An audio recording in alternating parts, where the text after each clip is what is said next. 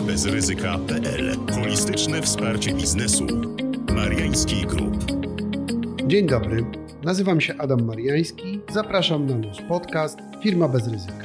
W dzisiejszym odcinku poświęconym pełnomocnikowi ogólnemu, czyli jak skutecznie minimalizować ryzyko kontroli poprzez działania prewencyjne, mam przyjemność gościć panią mecenas Monikę Wolską-Bryńską.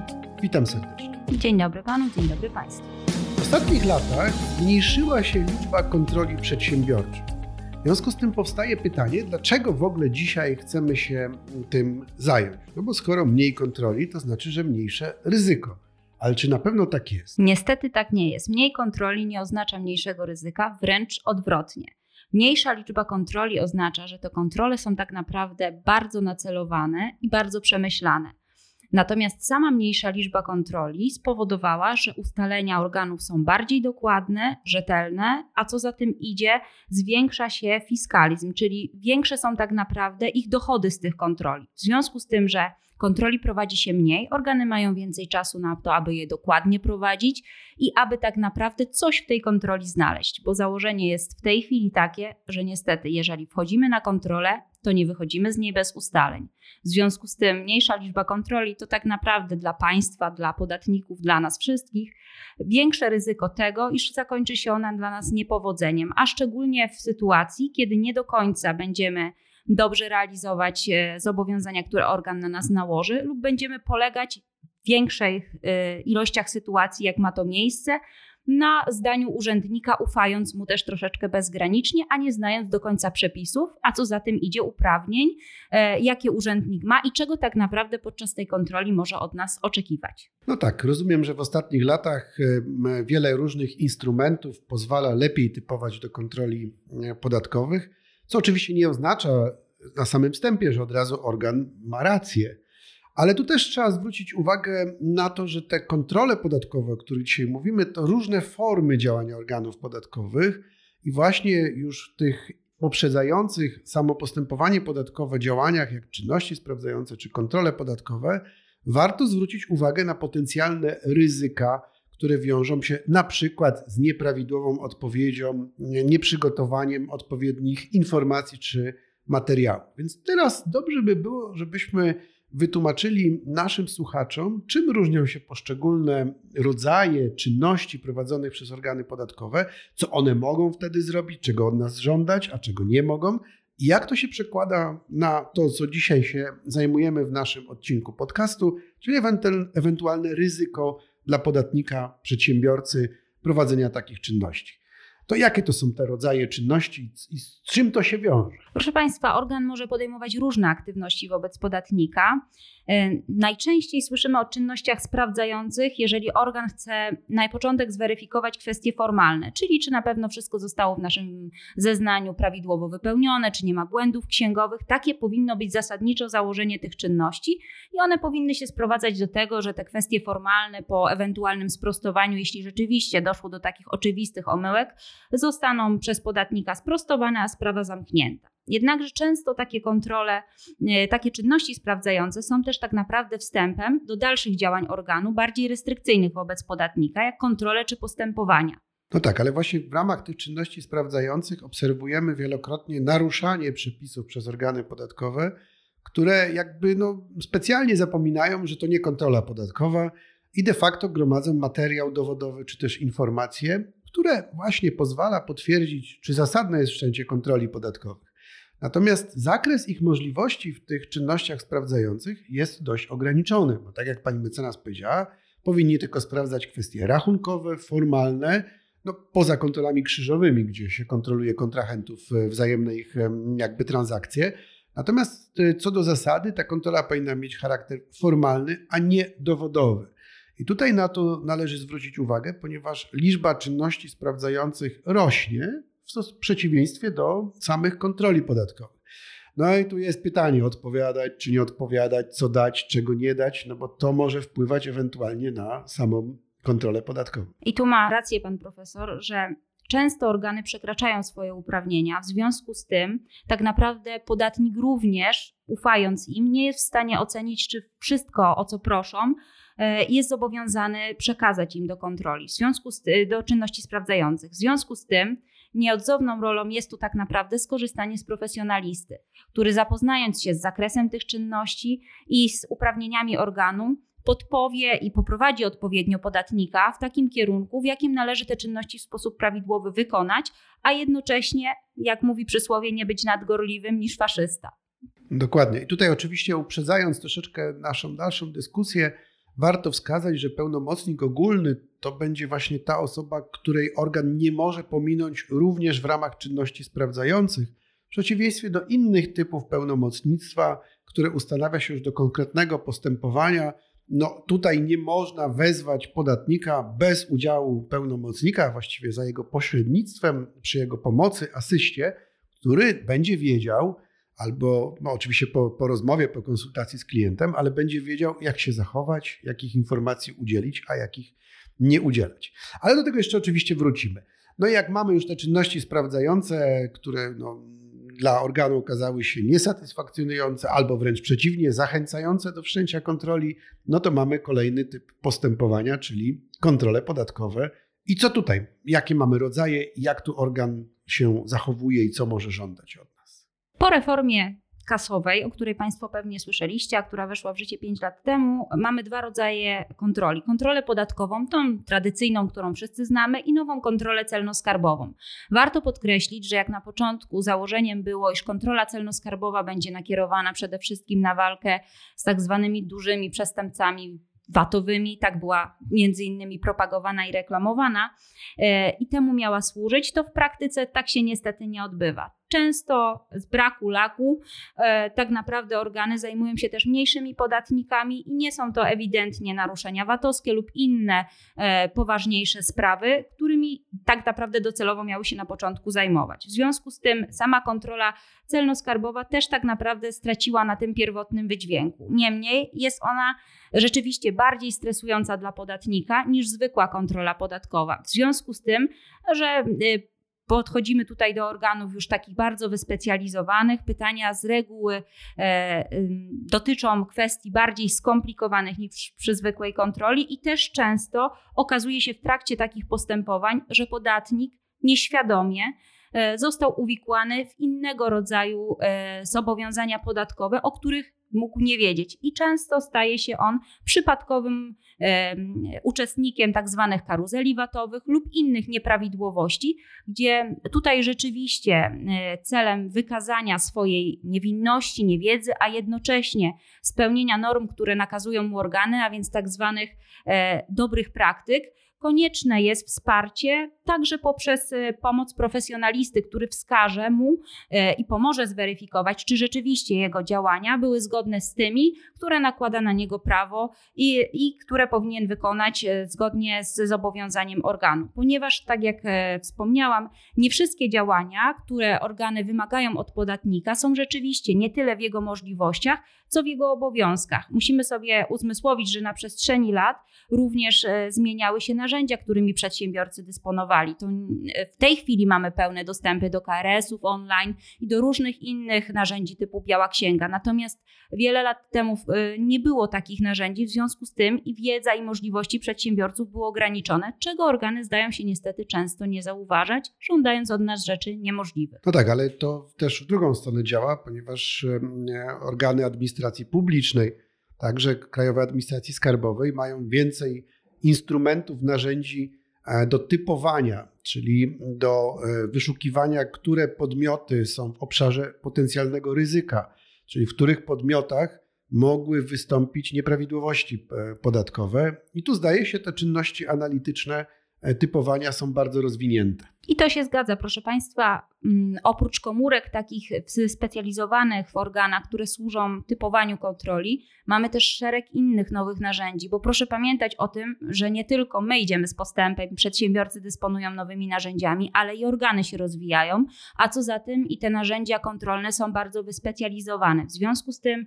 organy korzystają nie tylko już z tradycyjnych komórek, planów kontroli, typowania do kontroli, e, które wspomagają ich w wyborze potencjalnych e, kontrolowanych podmiotów ale również z różnych innych kanałów. Mamy bardzo dużo innych już systemów, takich chociażby jak czynności majątkowe, a więc jest to spis, z którego organy uzyskują informacje na temat przepływów naszych majątków, wszelkich sprzedaży, nabyć ruchomości, nieruchomości. Organy także korzystają z tak zwanego STIR-u, czyli przepływów pieniężnych na rachunkach bankowych podatników. Mają dostęp do MDR-ów, co też Państwo pewnie wiecie o systemie raportowania schematów podatkowych. E, każdy z nas, jeśli jest przedsiębiorcą, spotyka się już z tak zwanymi JPK-ami, czy jednolitymi plikami kontrolnymi, które również dostarczają organom bardzo dużą ilość wiedzy na temat naszych kontrahentów, i przepływów, jakie dzieją się na naszych rachunkach. Niedługo również powstanie centralny rejestr faktur, co jeszcze bardziej zacieśni możliwość prowadzenia kontroli i weryfikacji naszych kontrahentów, e, a także kasy rejestrujące online.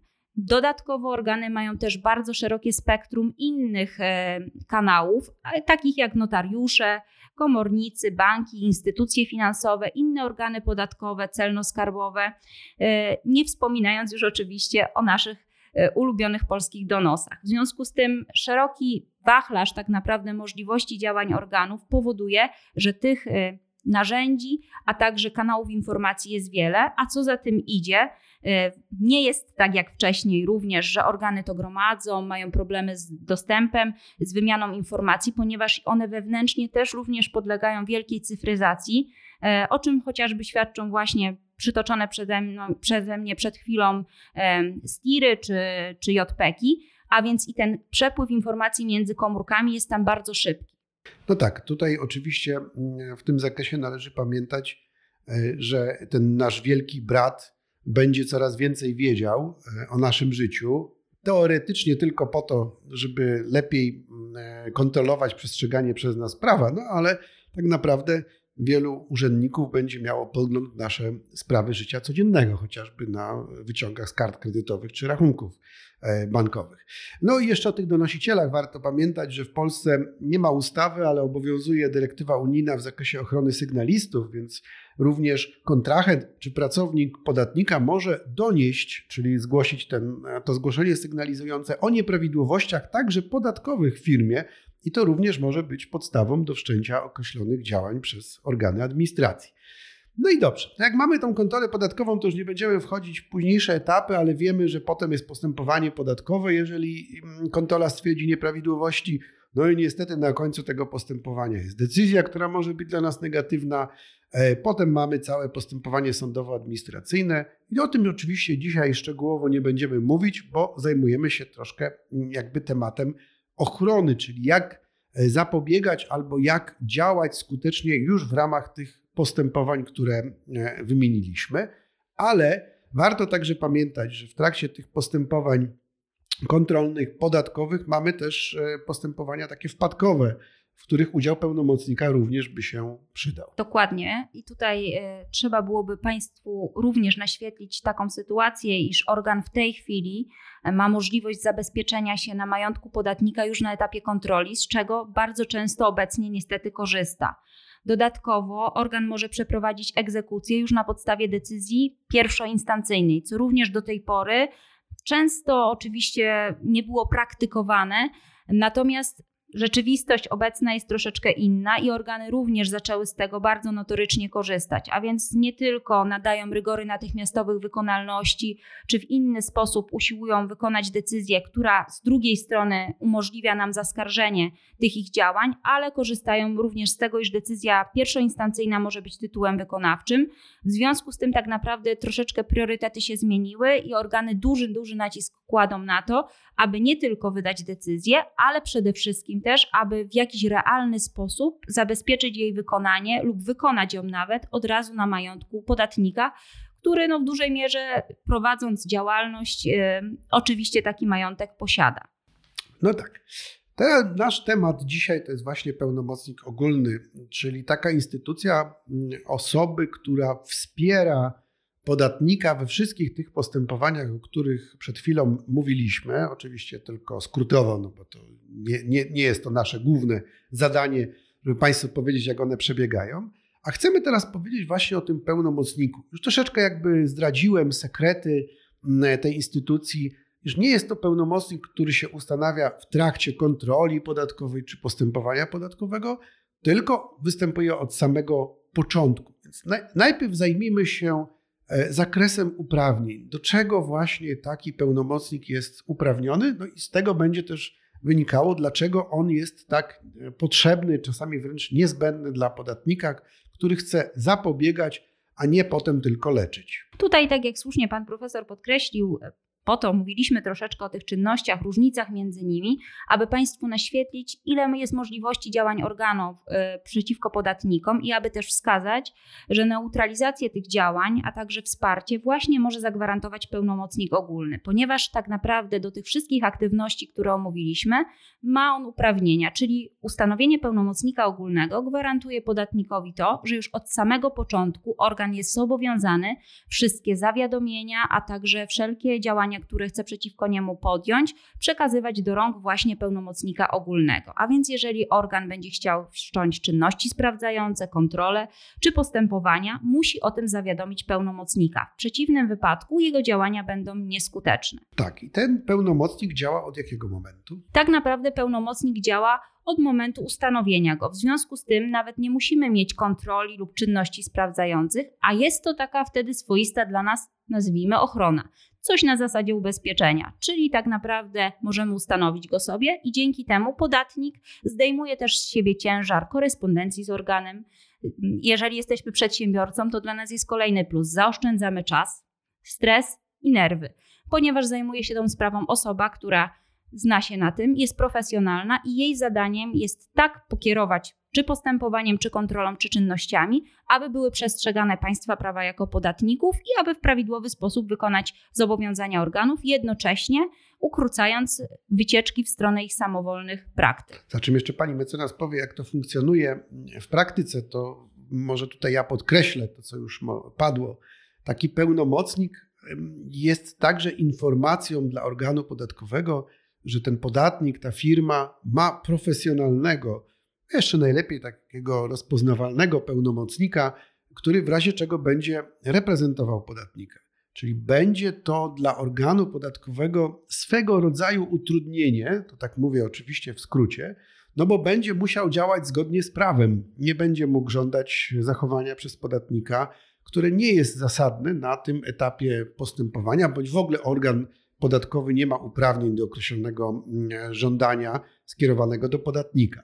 Także wszystkie odpowiedzi, wszystkie wyjaśnienia składane za pośrednictwem pełnomocnika będą zgodne i z przepisami, i ze stanem faktycznym, ale także nie będą pozwalać organowi na wyciąganie wniosków, które by chciał. Bo często w praktyce jest tak, że mm, organ podatkowy zadaje takie pytania, na których jak udzielimy odpowiedzi tak lub nie, no to w tym momencie będziemy mieć problem, bo ono już jakby wskazuje na kierunek, w którym organ podatkowy e, zmierza. Czyli mamy tutaj sytuację taką, że w momencie, kiedy to pełnomocnictwo jest ustanowione, jest wpisane już do centralnego rejestru, bo to pełnomocnik musi oczywiście zgłosić, to żaden organ podatkowy nie może zapukać do podatnika i powiedzieć: Dzień dobry, tu kontrola podatkowa, bo to jest działanie niezgodne z prawem. Musi zawiadomić pełnomocnika, że właśnie taką kontrolę, czy też e, składa zapytanie w ramach czynności e, sprawdzających. Czyli ten pełnomocnik właśnie bierze, to co już pani mecenas mówiła, na siebie ten cały ciężar, ale to, co powiedziałem przed chwilą, co warto jeszcze raz podkreślić, od początku, przed wszczęciem czynności sprawdzających czy kontroli podatkowej, organ zdaje sobie sprawę, że w tej sprawie będzie miał do czynienia z profesjonalnym pełnomocnikiem, co pozwala na też obniżenie ryzyka kontroli podatkowej. Dokładnie. Na co słusznie też pan mecenas zwrócił przed chwilą uwagę, pełnomocnik ogólny jest troszeczkę gwarantem obniżenia ryzyka kontroli podatkowej, z tego względu, że organ widząc, że po drugiej stronie ma profesjonalistę, na pewno dogłębnie zastanowi się, czy i jaką aktywność podjąć przeciwko podatnikowi, z uwagi na to, że te działania już muszą być uzasadnione, a więc y, nie wystarczy zadzwonić, jak to często organy mają w praktyce do podatnika, troszeczkę go podgadać, spróbować coś wyciągnąć w nieformalny sposób, ponieważ wie, że tutaj już się to zaczyna i kończy na tym, że wszystko musi być w formie pisemnej, uzasadnione i z wykazaniem podstawy prawnej, co organy bardzo często w bezpośrednim kontakcie z podatnikami, a nawet myślę, że i z podmiotami księgowymi obsługującymi podatników e, nadużywają i częstokroć udaje im się takie informacje pozyskać, ponieważ wciągnięci w miłą rozmowę z przyjaznym urzędnikiem bardzo często informujemy go o rzeczach, o których tak naprawdę nie ma podstaw do zapytania nas, albo powinien to uczynić w inny sposób z podaniem odpowiedniej podstawy. W związku z tym, tak naprawdę ustanowienie pełnomocnika, jak wspomniałam też nawet troszeczkę wcześniej, jest troszeczkę jak OC od ubezpieczenia auta. Ono jest i jest przydatne, lepiej go nie używać, ale dobrze jest je mieć. W związku z tym też taka rola zabezpieczająca przede wszystkim tego pełnomocnika z pewnością. No i oczywiście tutaj trzeba też podkreślić, że w praktyce spotykamy się z sytuacjami, iż mimo ustanowienia pełnomocnika ogólnego organy próbują wszcząć kontrolę z jego pominięciem, no, co będzie bezskuteczne. Te, to nie będzie kontrola podatkowa. Ona będzie nieważna, tak można powiedzieć. Wszystkie czynności w ramach tej kontroli będą nieważne. No ale może w ten sposób spróbować wydobyć od podatnika informacje, dokumenty, e, które później będą wykorzystane już w tej prawidłowo wszczętej kontroli e, podatkowej. Zatem widzimy, że ten pełnomocnik działający od początku, e, zwłaszcza na etapie czynności sprawdzających, które tak jak podkreślaliśmy, często zastępują, czy próbu, organy podatkowe próbują w ten sposób zastępować kontrole podatkowe, jest istotny, tak aby mógł odpowiednio nadzorować, kierować tym postępowaniem, czyli należycie bronić interesu podatnika. Pani mecenas, co jeszcze moglibyśmy dodać? Myślę, że jeszcze takie techniczne uwagi, w jaki sposób tego pełnomocnika ogólnego można ustanowić. Oczywiście służy do tego specjalny formularz pełnomocnictwa PPO1, Natomiast tak w praktyce korzystamy z gotowego produktu w postaci e, portalu podatkowego, przez który to możemy ustanowić pełnomocnika, wypełniając odpowiednie dane pełnomocnika poprzez wskazanie oczywiście danych dotyczących jego wpisu, adresu elektronicznego, jak i samych danych personalnych takiej osoby.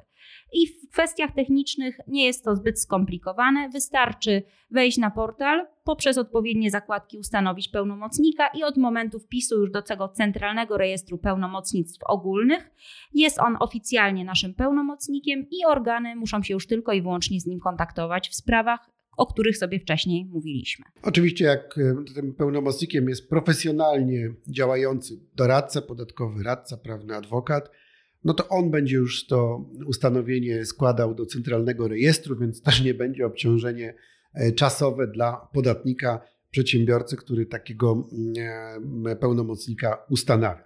Ja tutaj specjalnie mówię podatnik, przedsiębiorca, ponieważ to nie tylko chodzi o firmę, o spółkę czy osobę prowadzącą działalność gospodarczą, bardzo często takiego pełnomocnika mają również menadżerowie, członkowie zarządu, mm, osoby, które kiedyś prowadziły działalność gospodarczą, no bo organ podatkowy ma co najmniej te 5 lat, ażeby wszcząć odpowiednie postępowanie kontrolne i ewentualnie wydać decyzję negującą wcześniejsze rozliczenia. A musimy o tym e, pamiętać, ponieważ jak nawet zakończymy działalność gospodarczą i wyjedziemy na roczny objazd świata, no to jednak to nas nie zwalnia do, od udziału w kontroli i organ może ją wszcząć. A jak jest pełnomocnik ogólny, to musi z jego udziałem, więc nawet dla osób które nie zawsze odbierają korespondencję, czy też dużo podróżują, jest to zabezpieczenie i dlatego też również osoby fizyczne takiego pełnomocnika ustanawiają. No dobrze, to jak przeszliśmy te kwestie, to jakbyśmy teraz mogli podsumować, po co ten pełnomocnik jest potrzebny i dlaczego jest takim zabezpieczeniem przed potencjalnym ryzykiem nieprawidłowości które może określić organ podatkowy, mimo iż ich nie było. Ja jeszcze tutaj chwileczkę wrócę do tego stwierdzenia, o którym przed chwilą pan profesor powiedział, że nawet jeżeli podatnik przestał prowadzić działalność gospodarczą, ten pełnomocnik jest wskazany. To musimy pamiętać też o tym, że wielu z nas e, prowadzi różne formy działalności gospodarczej i w różnych momentach zdecydowało się na przykład na przekształcenie z jednoosobowej działalności w spółkę, sprzedaż i faktycznie nie funkcjonują już jako stricte przedsiębiorca, ale mogą być menadżerami, członkami zarządu. W związku z tym także i do tych osób y, należy y, przypomnieć, że pełnomocnik ogólny jest instytucją jak najbardziej wskazaną, ponieważ, tak jak wspomniał zresztą pan profesor przed chwilą, e, kontrola może trwać do pięciu lat wstecz. W związku z tym my się od tych zobowiązań nie uwalniamy, ale jednocześnie e, zmieniając sposób naszego zarobkowania i sposób funkcjonowania w firmie, zapewniamy sobie też obsługę profesjonalną co do poprzednich naszych działań w ramach innych struktur. W związku z tym nie tylko osoba fizyczna, e, przepraszam, nie tylko podatnik, ale także i osoba e, fizyczna, nie tylko przedsiębiorca jest wskazane, aby takiego pełnomocnika ogólnego ustanowiła. Podsumowując, mogę tu przytoczyć takie dane statystyczne, z których by właśnie wynikało, że super dla podatników, ponieważ spada liczba kontroli. Jak podało oficjalnie Ministerstwo Finansów w 2015 roku, liczba kontroli wynosiła 55, a w 2018 roku już tylko 26 tysięcy. W związku z tym spadła tak naprawdę o połowę w ciągu trzech lat ale ta informacja tak naprawdę nie jest dla Państwa do końca dobrą informacją, ponieważ zgodnie z tymi samymi ustaleniami, jeżeli chodzi o skuteczność i wzrost dochodów z tych kontroli, to z 85% wzrosło ono do 91%, a więc mniejsza liczba kontroli, tak jak na początku mówiliśmy, oznacza nie zmniejszenie i spokój dla przedsiębiorców, tylko kontrole bardziej nacelowane, doprecyzowane i zmierzające do ustaleń. I tu właśnie wyłania się rola naszego pełnomocnika ogólnego, który po pierwsze nie tylko jest gwarantem tego, że będzie kontrola prowadzona w sposób profesjonalny, z poszanowaniem praw podatnika, ale po drugie też w dużej mierze stanowi zabezpieczenie tego, że po pierwsze, może w ogóle do kontroli nie dojść, a po drugie, przy dobrze przeprowadzonych właśnie czynnościach sprawdzających i wyjaśnieniach, może spowodować to, że organ zakończy swoje działania tylko na czynnościach sprawdzających, nie podejmując się dalszych działań kontrolnych. Czyli jak widzimy z tej statystyki, jeżeli już kontrola podatkowa jest wszczęta czy wszczynana, to w tym momencie jest to bardzo duże ryzyko, ponieważ ponad 90% tych kontroli kończy się skutecznie dla kontrolujących, a nie dla kontrolowanego. Jak to nieładnie się mówi, kontrola podatkowa jest pozytywna dla organu wtedy, kiedy jest dodatkowy przypis. W związku z tym, tym bardziej należy korzystać z pomocy pełnomocnika. Ta pomoc jest potrzebna od samego początku jeszcze wcześniej, nawet mm, za czym jakiekolwiek czynności będą podjęte, a nawet za czym zostanie ustanowiony pełnomocnik ogólny, warto także spojrzeć na procedury zapobiegania ryzyku w firmie, co jest oczywiście tematem na y, oddzielne spotkanie. To compliance jest dzisiaj najważniejszym wyzwaniem dla przedsiębiorców, zwłaszcza w Polsce, ponieważ ryzyko prowadzenia biznesu rośnie nie tylko w obszarze podatkowym, ale w całym obszarze regulacyjnym. Proszę Państwa, serdecznie dziękuję Pani mecenas Monice Wolskiej-Bryńskiej, radcy prawnemu w Departamencie Kontroli Podatkowych naszej kancelarii za dzisiejsze spotkanie, a do samych kontroli podatkowych zapewne jeszcze niejednokrotnie będziemy wracać. Dziękuję Państwu również i Panu Profesorowi za zaproszenie i zapraszam na kolejne podcasty, gdzie będziemy się też między innymi skupiać bardziej na nowych y, cyfryzacyjnych rozwiązaniach, które również no niestety spowodują, że tych kontroli może być więcej ze skutecznymi ustaleniami i pokażemy, w jaki sposób organy nowymi narzędziami mogą doprowadzić do zwiększenia skuteczności kontroli i jak też poniekąd na takie kontrole prawidłowo się przygotować. Dziękuję Państwu. Dziękuję bardzo i zapraszam do słuchania naszych podcastów Firma bez ryzyka.